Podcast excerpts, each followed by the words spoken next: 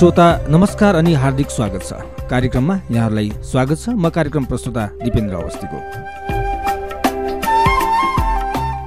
श्रोता यति बेला मुलुकमा निषेधाज्ञा जारी भइसके पछाडि विभिन्न प्रकारका समस्याहरू विभिन्न व्यक्तिहरूले झेल्दी झेल्दै गरेका छन् वा सबैले यो समस्यालाई विभिन्न रूपले लिइरहनु भएको छ। आजको कार्यक्रममा हामी तपाईँहरूको माझमा कुराकानी गर्दैछौँ। गन्यापधुरा गाउँपालिकाका अध्यक्ष नवल बहादुर मल्ल यति बेला हाम्रो प्रत्यक्ष टेलिफोन सम्पर्कमा हुनुहुन्छ। आज हामी यो निषेधाज्ञाका कारण घरमै रहनुभएका बालबालिकाको नियमित सिकाइका लागि स्थानीय सरकारले गर्दै आएका काम कुराहरू वा उहाँका सुझाव सल्लाहहरू के छन्? अहिले यो अवस्थामा बालबालिकाहरूको नियमित सिकाइ कसरी हुन सक्छ अहिले घरमै पनि के गर्न सकिन्छ? बालबालिकाहरू कसरी सो अध्ययन गर्न सक्छन्?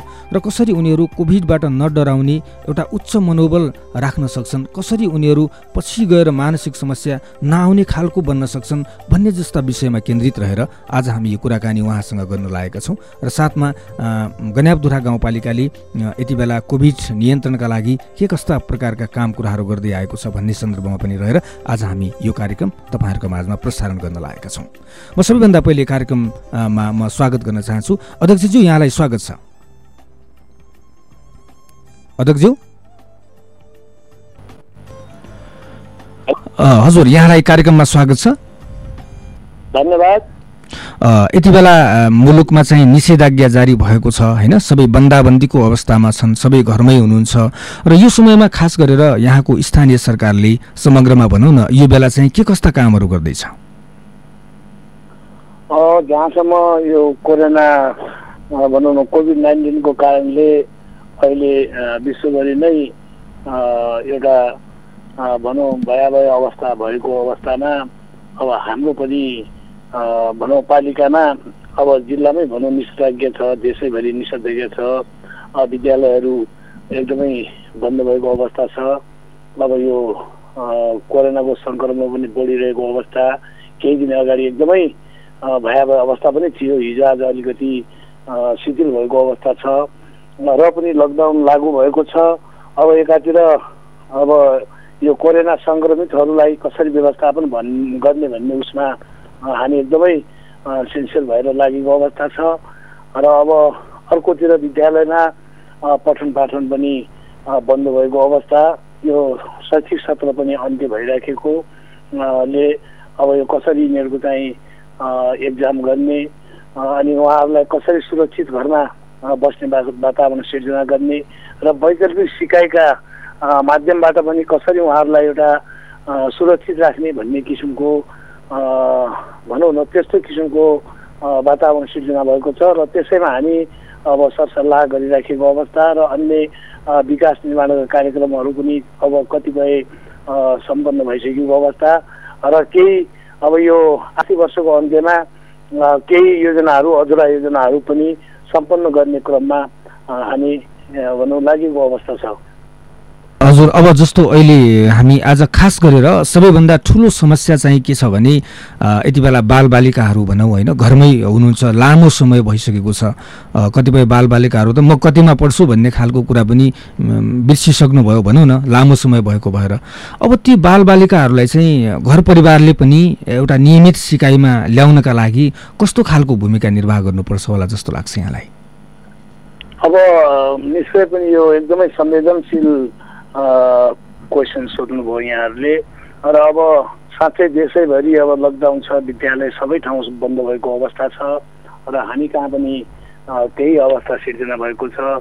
र अब हामी जनप्रतिनिधिहरू जति पनि अब टिचर साथीहरू हुनुहुन्छ सरहरू हुनुहुन्छ र अभिभावकहरू हुनुहुन्छ हामीले पटक पटक सबै विद्यालयका सरहरू अभिभावकहरू विद्यार्थीहरूलाई पनि एउटा सचेतनामूलक कार्यक्रमहरू टोल टोलमा गएर विद्यालय विद्यालयमा गएर पनि अघिल्लो अवस्थामा सबैलाई सजग गराइरहेको अवस्था हो। र पनि अब हामीहरूले भन्दै गरेका छौँ तपाईँहरूलाई भनौँ न आफ्नो बालबालिकाहरूलाई एउटा सुरक्षित वातावरणमा घरमा राख्नुहोस्। उहाँहरूलाई एउटा पढाइमा कसरी इन्भल्भ हुने अनि उहाँहरूलाई एउटा पढ्ने वातावरण पनि सुरक्षित बसेर पढ्ने वातावरण सिर्जना गर्नुहोस् भन्ने कुराहरू विभिन्न सन्देशमूलक कार्यक्रमहरू हामीले गरेको अवस्था हो। र पछिल्लो अवस्थामा वै वैकल्पिक शिक्षाको माध्यमबाट पनि अब हामीले करिब करिब हाम्रो पालिकामा पाँच हजार जति विद्यार्थीहरू भएको अवस्था छ। र उहाँहरूलाई चारदेखि बाह्र क्लाससम्मको विद्यार्थीहरूलाई एउटा यो सिमहरू वितरण गरेर पनि पढाइ गर्ने त्यस्तो किसिमको वातावरण सिर्जना गरिदिने अवस्था थियो। र पनि सबै हाई स्कुलहरू छवटा हाई स्कुलमा यात्राको व्यवस्था पनि सबै जडान गरेको अवस्था थियो। र यो दूरसञ्चारको नेटवर्कको कारणले यो सिमहरूले त्यति एक्टिभ भएर काम गर्न नसकेको अवस्था। र एउटा विद्यालय हाम्रो गणेश माविले मात्र करिब करिब तिन सय दसवटा विद्यार्थीहरूको लागि सिम वितरण गरेर एउटा घरमै बसेर पढ्ने वातावरण पनि वैकल्पिक भनौँ शिक्षण माध्यमको हिसाबले अथवा तरिकाले केही सिकाएका कुराहरू गर्न गइरहेको अवस्था छ। र जहाँ वाइफाईले अलि नेटले काम गरेको अवस्था छ त्यहाँबाट पनि केही विद्यार्थीहरूलाई सुरक्षित घरमा बस्ने अनि केही खाली बस्नुभन्दा एउटा यो कोभिड नाइन्टिनको भयावह अवस्थाबाट केही भनौँ न रिफ्रेस हुने खालका मनोरञ्जन गर्ने अब कति बेला चाहिँ अध्ययन गर्ने मनोरञ्जन गर्ने र उहाँहरूलाई एउटा हौसलापूर्ण उहाँहरूलाई एउटा डर मात्र त्रास मात्र नदेखाइकन अन्य अध्यापन अध्ययन कार्यक्रममा पनि इन्भल्भ हुने खालका वातावरणको लागि हामीले ती सिम कार्डहरू पनि वितरण गरेको अवस्था छ र सबै सहरहरूलाई यो यसको बारेमा ब्रिफिङ गरेको हो। र यो अलि नेटवर्किङको समस्याले हामीले भने जस्तै गर्नु नसकेको अवस्था छ। र पनि विभिन्न हाम्रो चेतनामूलक कार्यक्रमबाट कसरी विद्यार्थीहरू घरमा सुरक्षित बस्न सक्छन् उहाँहरूको केही भनौँ न नभए पनि केही समय उहाँहरू अलिकति अध्ययन कार्यमा इन्भल्भ हुने वातावरण सिर्जना कसरी गर्नुपर्छ भन्ने कुरामा विशेष हामीले पहल गरेको अवस्था हो। र पछिल्लो समयमा अब शैक्षिक सत्र पनि सम्पन्न भइराखेको छ। अब उहाँहरूको चाहिँ अब कसरी एक्जाम सञ्चालन गर्ने र उहाँहरूलाई कसरी दोस्रो आर्थिक शैक्षिक सत्रको लागि अर्को क्लासको तयारी गराउने भन्ने कुरामा पनि हामीले विशेष पहल गरिराखेको अवस्था छ। हजुर अब जस्तो पोहोर सालको समयमा पनि अब अनलाइन कक्षाहरू सञ्चालन गर्ने वा रेडियो मार्फत पनि विद्यार्थीहरूलाई घरमै बसेर पनि भनौँ न एउटा खालले पढ्न सकिने भन्ने खालको कुराहरू थियो। तर अहिले केही छ कि छैन अध्यक्षज्यू? गत वर्ष हामीले रेडियो दुई तिनवटा रेडियो एफएमबाटै माध्यमकोबाट पनि पढाइ सिर्जना गरेका थियौँ।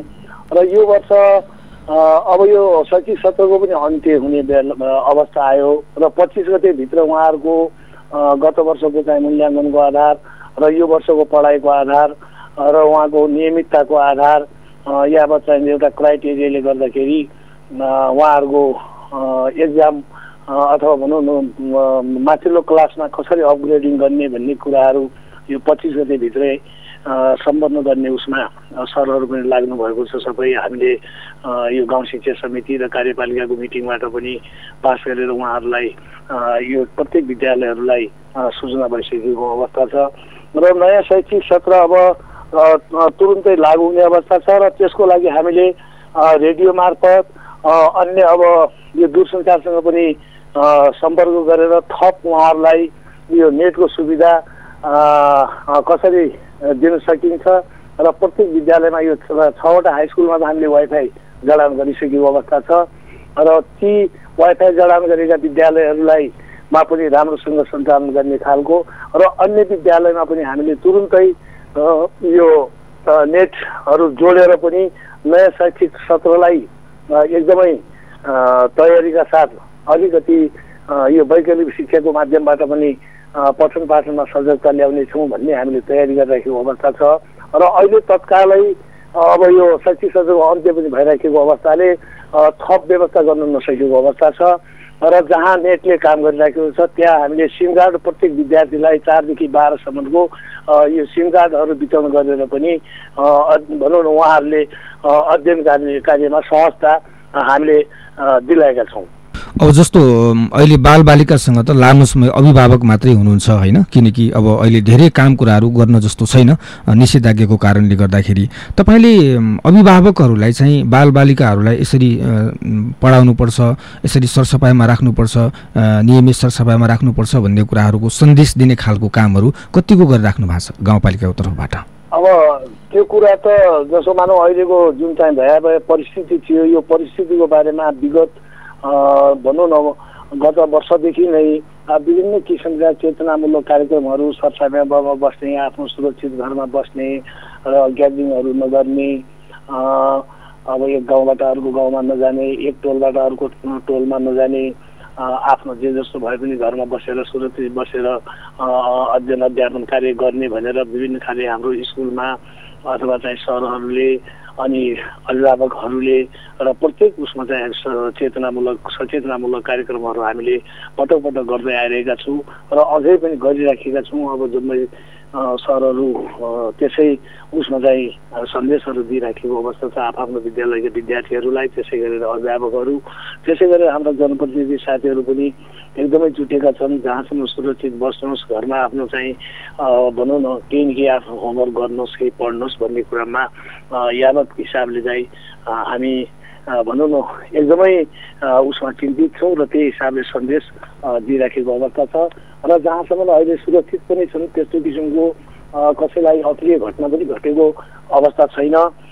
र अलिकति कामको सिजन छ। अब यो ग्रामीण भिडमा अब त्यही हो हाम्रो यहाँको समुदायको बारेमा तपाईँहरूलाई पनि थाहा छ। अलिकति यो कामको चापले गर्दाखेरि पनि अभिभावकहरू पनि त्यति ध्यान नदिने अवस्था हुन्छ। र जहाँसम्म सचेतक छ जो अलिकति चिन्तित छन् जसले अलिकति केही गर्नुपर्छ भन्ने खालका अभिभावक र विद्यार्थीहरू हुनुहुन्छ। उहाँ आफ्नो एकदमै चिन्तित भएर आफ्नो अध्ययन अध्यापन कार्यमा लागिरहेको अवस्था छ अहिलेलाई। जस्तो अध्यक्षज्यू अहिले अभिभावकहरूले बाल बालिकालाई खास गरेर जुन हाम्रो नियमित सिकाइको कुरा छ नि के कुराहरू सिकाउनु उपयुक्त हुन्छ? उहाँहरूले के कुरा सिकाउने बाल बालिकालाई यो पनि स्पष्ट पारिदिनु होइन अब अस्ति मात्र यो भर्खरै अर्धवार्षिक परीक्षा पनि सम्पन्न गरेको अवस्था थियो। सबै विद्यालयहरूमा र उहाँहरूले पनि तपाईँहरूले के अध्ययन गर्ने भन्ने खालको सरहरूले चाहिँ यो सबै आफ्नो विद्यार्थीहरूलाई एउटा होमवर्क एउटा गाइडलाइनहरू दिइराखेको अवस्था हो। र जहाँसम्म चाहिँ उहाँहरूलाई अब यो अवस्था यस्तो सिर्जना हुनसक्छ। र अब तपाईँहरूले यसरी चाहिँ आफ्नो बाँकी रहेको कोर्स अब यसरी अध्ययन गर्नुपर्छ पढ्नुपर्छ भन्ने किसिमको चाहिँ उहाँहरूले गाइडलाइन दिएको अवस्था। र त्यो हिसाबले घरमा बसेर जुन चाहिँ पढ्ने विद्यार्थी हुन् खास गरेर उहाँहरू एकदमै उसमा नियमित उसमा चाहिँ आफ्नो कार्यक्रममा अध्यापन अध्ययन कार्यमा लागिराखेको कुरा हामीले पनि बुझेका छौँ। र अब जहाँसम्म अब सबै विद्यार्थीहरूलाई भनौँ न गाइडलाइन दिए जस्तै सबैले त्यस्तो तयारी नगरेको पनि हुनसक्छ। अब परिस्थिति अलिकति गाह्रो छ। अब यसमा भने भन्छ कि मैले यहाँहरूलाई।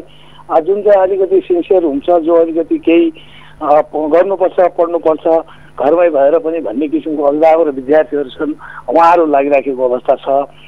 त्यसरी अब हामीले गर्नुपर्ने पालिकाको तर्फबाट विद्यालयको तर्फबाट र हामीले गर्नुपर्ने कार्यक्रममा अथवा त्यो कार्यहरूमा सबैले यो सन्देश दिएकै अवस्था हो र अब शैक्षिक सत्रको अन्त्य भइराखेको छ।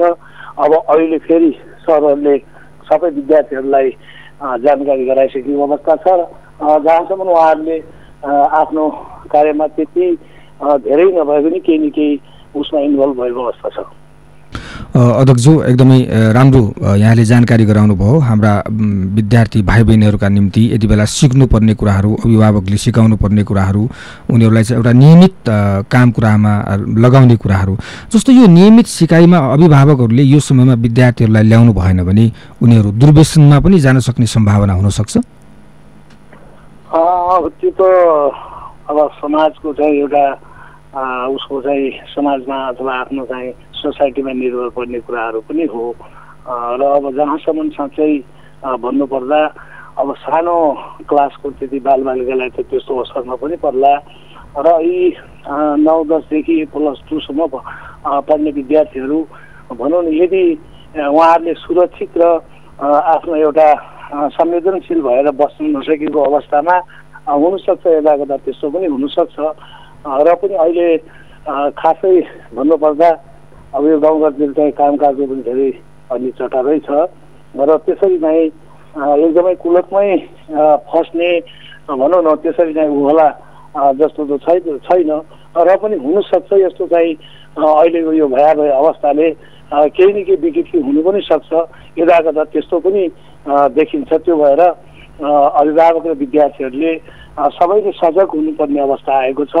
र हामी पनि जहाँसम्म सबैलाई यो चिन्ताको विषय विषय नै हो र हामी पनि सबै विद्यालय टोल बस्ती अभिभावकज्यूहरूलाई जहाँ भनौँ न जता जुनसुकै माध्यमबाट पनि उहाँहरूलाई पनि सचेत अथवा गर्नेतर्फ लागि परेका छौँ। अध्यक्षज्यू अन्तिममा हामीलाई थुप्रै बालबालिका भाइ बहिनीहरूले पनि सुनिरहनु भएको छ यो कार्यक्रमलाई। हामीले यो कार्यक्रम यो समयमा आउनेछ भनेर उहाँलाई जानकारी गराएका छौँ। कुनै बालबालिकाहरू सामूहिक रूपमा पनि यो कार्यक्रमलाई सुनिरहनु भएको छ। उहाँका निम्ति गन्यापदुरा गाउँपालिकाका अध्यक्ष नवल बहादुर मल्लज्यूको सन्देश के छ जाँदा जाँदै? जहाँसम्म अब अहिलेको यस्तो भयावह अवस्था छ निश्चय पनि यो सबै हाम्रो पालिका मात्रै होइन सबै भनौँ न देशैभरि विश्वभरि नै यो समस्या देखा परेको अवस्था छ। र यो समस्या कसैले व्यक्तिगत हिसाबले लागेको पनि होइन कसैसँग एउटा भनौँ न प्रतिशोध गर्नुपर्ने अवस्था पनि छैन। यो प्राकृतिक एउटा प्रकोप हो।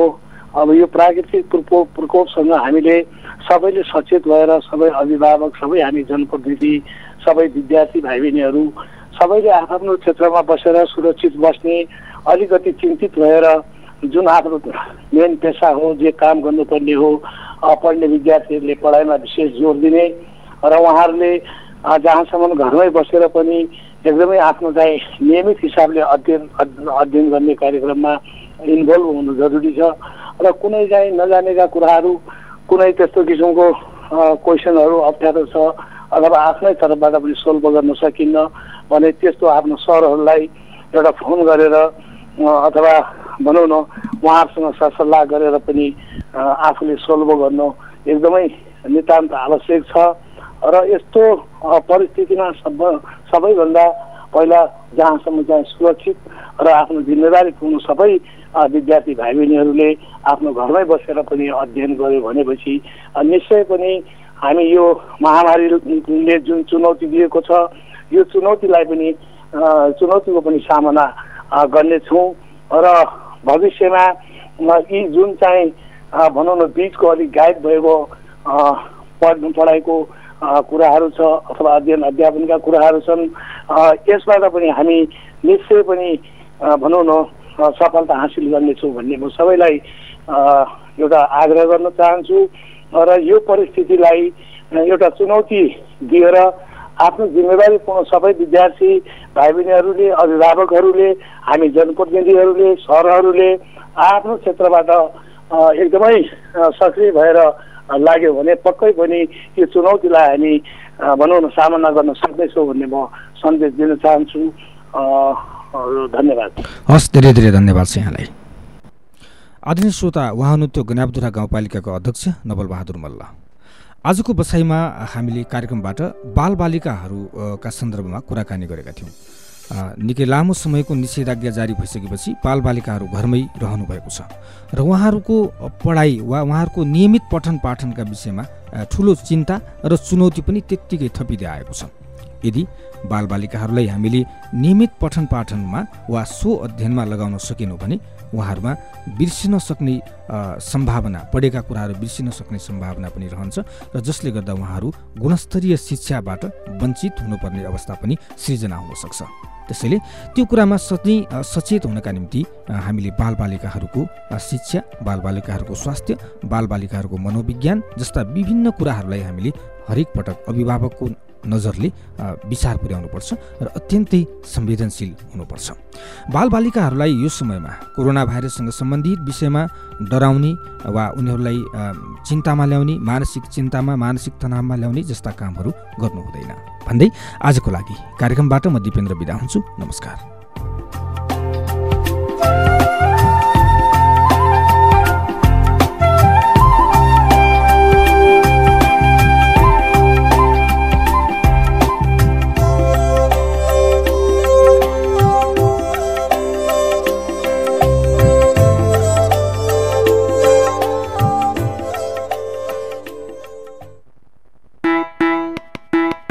आवाज नेपालको रोजाइ हो नेपालीको